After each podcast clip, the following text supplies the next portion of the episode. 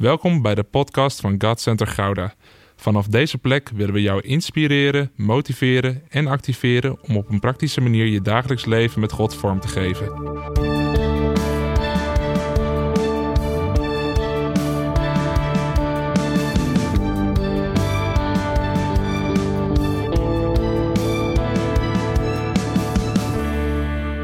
Hallo allemaal en leuk dat je weer luistert naar de podcast van God Center Gouda. Mijn naam is Nienke en vorige week ben ik met jullie begonnen aan een drietal podcasts over Genesis. We reizen samen terug naar het paradijs en kijken naar wat het scheppingsverhaal zegt over ons leven vandaag de dag.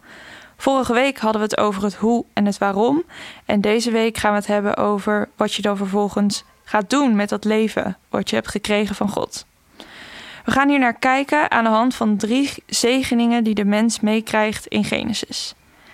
De hele schepping is er om God te eren. Laten we dat voorop stellen. We zijn geschapen in een daad van aanbidding, vertelde ik vorige week al. God knielde neer om ons te maken. We mogen God eren met alles wat we doen en dat is een zegen.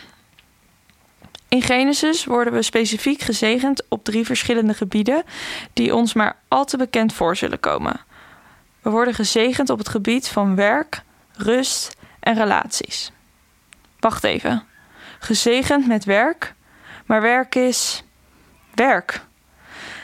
Dat klinkt niet echt als een zegen of als iets paradijselijks. Als ik denk aan het paradijs, dan denk ik aan een soort eindeloze all-inclusive vakantie. Heerlijk eten, chillen, praten met God. Fantastisch. Ik denk niet aan werken. Ons leven hier lijkt niet op het leven in het paradijs. Wij leven in een stad, niet in een prachtige tuin. Je hebt een baan, verantwoordelijkheden, een studieschuld of een hypotheek, huur te betalen, misschien wel een gezin. Je moet werken. Werken is geen zegen. Maar wacht eens even. Wat deed Adam eigenlijk in het paradijs elke dag? Hij werkte wel zeker. Sterker nog, hij werd gezegend met werk. Met de opdracht om over de aarde te heersen, zoals we het vorige week al hebben besproken. In Genesis 2, vers 15 lezen we het volgende. God de Heer bracht de mens dus in de tuin van Eden om die te bewerken en erover te waken. We zijn dus naar de tuin gebracht om te werken. Je bent niet geschapen om alleen maar te chillen. Maar je bent gezegend met werk. Het is een prachtige zegen om te bouwen aan Gods koninkrijk, het mooiste wat er is. Adam was de eerste hovenier op aarde en hij bouwde vrij letterlijk, denk ik, aan Gods koninkrijk door de tuin te verzorgen. De Amerikaanse voorganger, theoloog en schrijver John Mark Comer schreef het boek Garden City, in het Nederlands vertaald als Paradijsstad. Hij haalt een onderzoek aan waarin wordt gesteld dat wij twee derde van onze tijd dat we wakker zijn in ons leven bezig zijn met werken. Twee derde, dat is meer dan de helft. Dan lijkt het me wel belangrijk genoeg om ook daarin God te betrekken. We zien geloof en Jezus al snel iets wat vooral bij ons privéleven hoort. Voor het grootste deel van jullie zal dat misschien ook wel het geval zijn. Je werkt hoogstwaarschijnlijk op een plek waar je niet over Jezus kan of mag praten. Ik heb in dit geval redelijk makkelijk praten, want ik werk in de christelijke journalistiek. Ik typ zo vaak op een dag het woord God op mijn toetsenbord dat de letters G, O en D denk ik bijna zijn weggesleten. En zo heb je wel meer beroepen waarin het makkelijker lijkt, in ieder geval, om God te betrekken bij je werk. Denk aan het werk van Jeroen, onze voorganger. Zijn werk is gewoon bezig zijn met Jezus. Of een docent godsdienst, of een schrijver van christelijke boeken, een betaalde aanbiddingsleider, iemand die geloofstherapie geeft. Het zijn allemaal vanzelfsprekende beroepen waarin God duidelijk en concreet aanwezig is. Maar zoals ik al zei, voor het grootste deel van de gemeente zal het niet zo zijn dat je elke dag bij alles letterlijk bezig bent met God. Je bent misschien wel bezig met brood bakken, pakketjes bezorgen, uh, accountmanaging, boekhouden, programmering, tuinieren, mensen verzorgen, lesgeven, ga zo maar door. Maar ook jouw werk is een zegen en mag tot zegen zijn van ander, anderen. Door jouw werk goed te doen, kan je naar God verwijzen. Je kan God verheerlijken met jouw werk, wat je ook doet. Doe het zelfs zo goed dat mensen denken: er moet wel een God zijn. Laat het zijn zoals 1 Korinthe 10, vers 31 zegt. Dus of u nu eet of drinkt of iets anders doet, doe alles ter ere van God. Alles. Niet betrek God alleen bij je eet- en drinkgewoontes. Nee, alles. Ik zou hiervan willen maken. Of je nu werkt of iets anders doet, doe alles ter ere van God. In het Engels wordt er ook wel gezegd dat je de naam van de God van God kan zegenen. Bless the name of the Lord. Ik vind dat ergens een beetje een rare uitspraak, want hoe kunnen wij als mensen God nou weer zegenen? Dat moet toch andersom gebeuren? Het woord dat voor zegenen gebruikt wordt, kan ook worden gezien als opheffen of het belang van iets benadrukken. Zegen dus de naam van de Heer met je werk. Verhef de naam van God. Maak duidelijk dat God belangrijk is en een rol speelt in jouw leven door iets goeds te doen en dat mensen denken: er moet wel een God zijn. Misschien is dat verhaal van Jezus zo gek nog niet.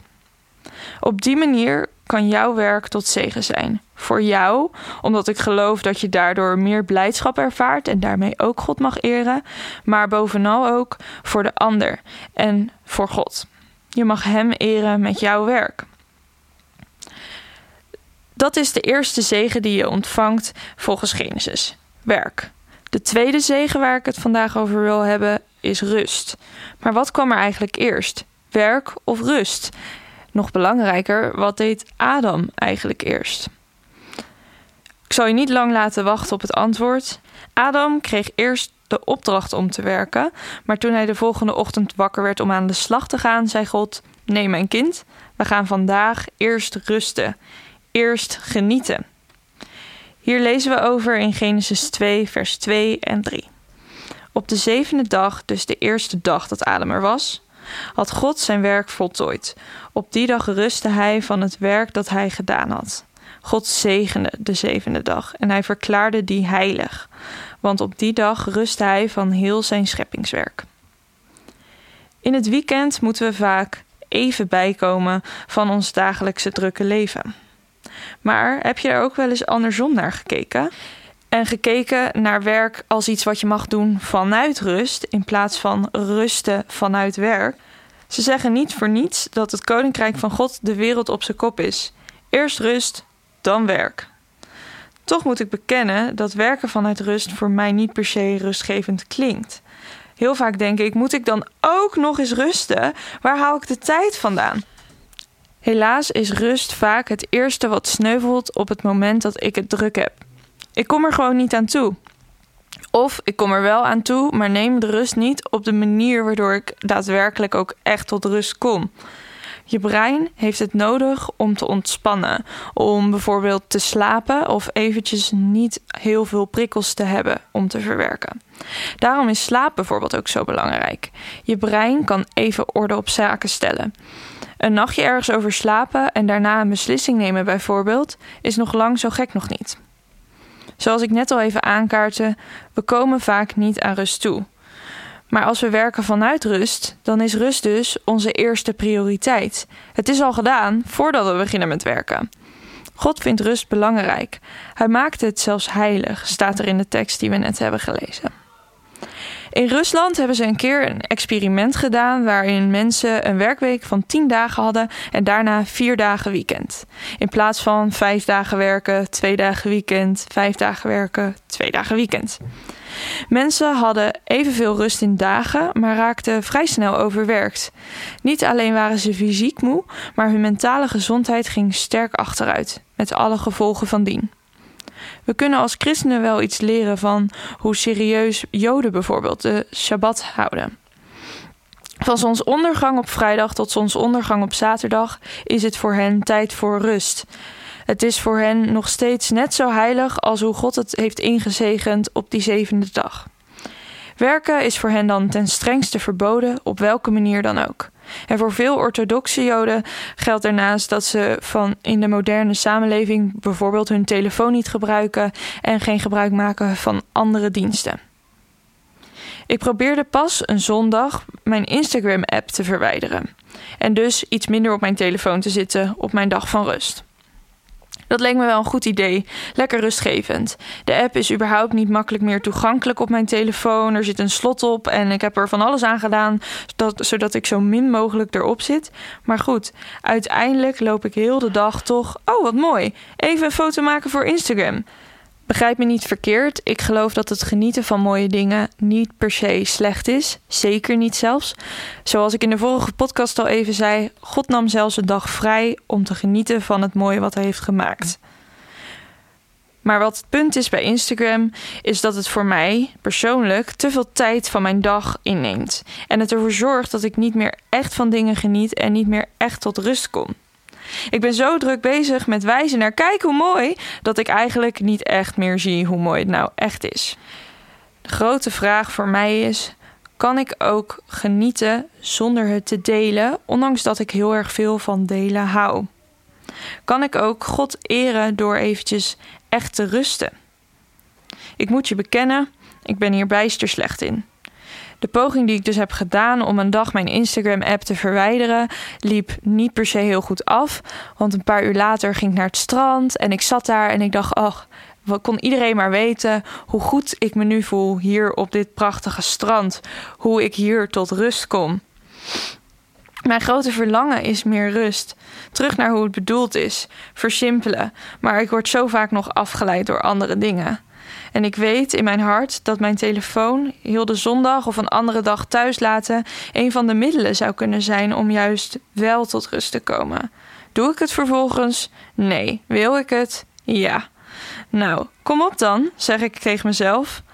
Natuurlijk hoef jij niet meteen je hele telefoon te verbannen voor de rest van je leven. En misschien ook niet eens voor een hele dag.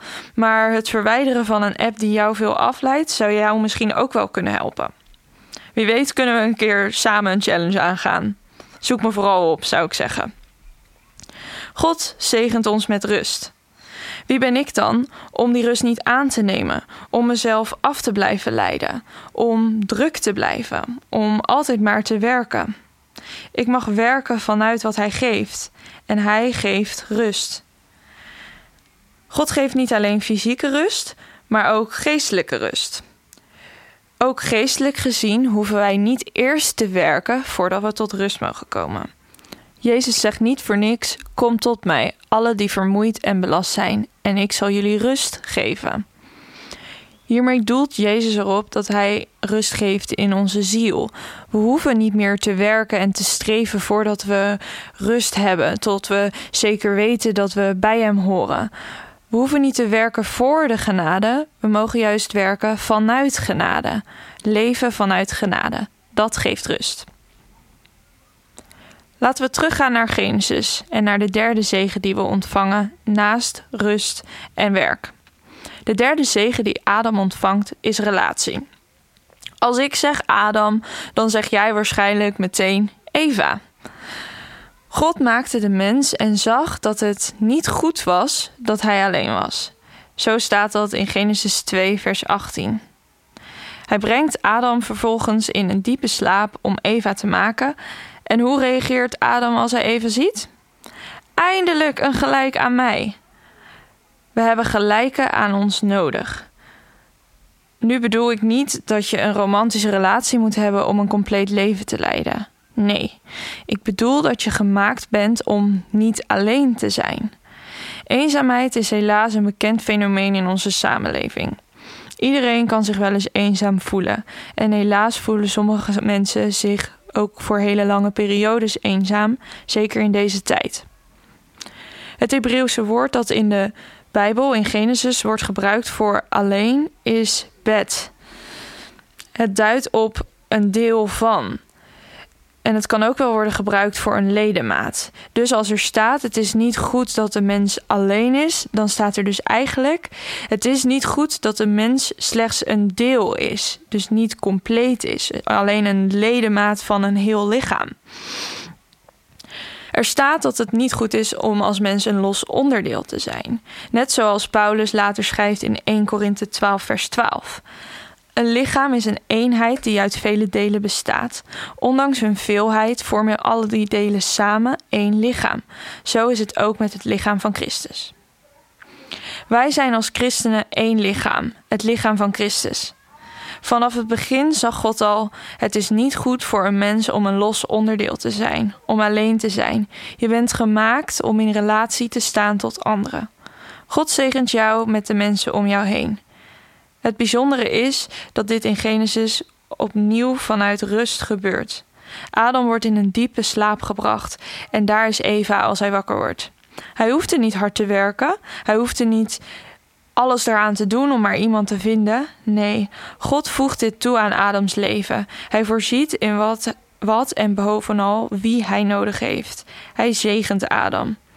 Het is God en het is Jezus die ervoor zorgt dat wij geen losse onderdelen zijn, maar één zijn, dat we in relatie mogen leven, niet alleen. Zoals Adam ook bezingt, mogen wij hopelijk ook bezingen wanneer we mensen vinden die bij ons passen. Dit is deel van mijn vlees. Wij zijn deel van één lichaam, het lichaam van Christus. Helaas hield het niet op bij deze drie zegeningen. Er volgt nog een ander verhaal. Een verhaal over twee bomen. En daar wil ik het volgende week met jullie over gaan hebben. In het verhaal zit namelijk niet alleen het verhaal van de zondeval, maar ook nog weer een rijke boodschap van de goedheid en de genade van God. Ben je benieuwd? Luister dan volgende week weer naar de podcast. Dan maken we samen nog één keer de reis naar het paradijs om een kijkje te nemen in de tuin. En wie weet plukken we wel de vruchten van de boom des levens. Tot volgende week.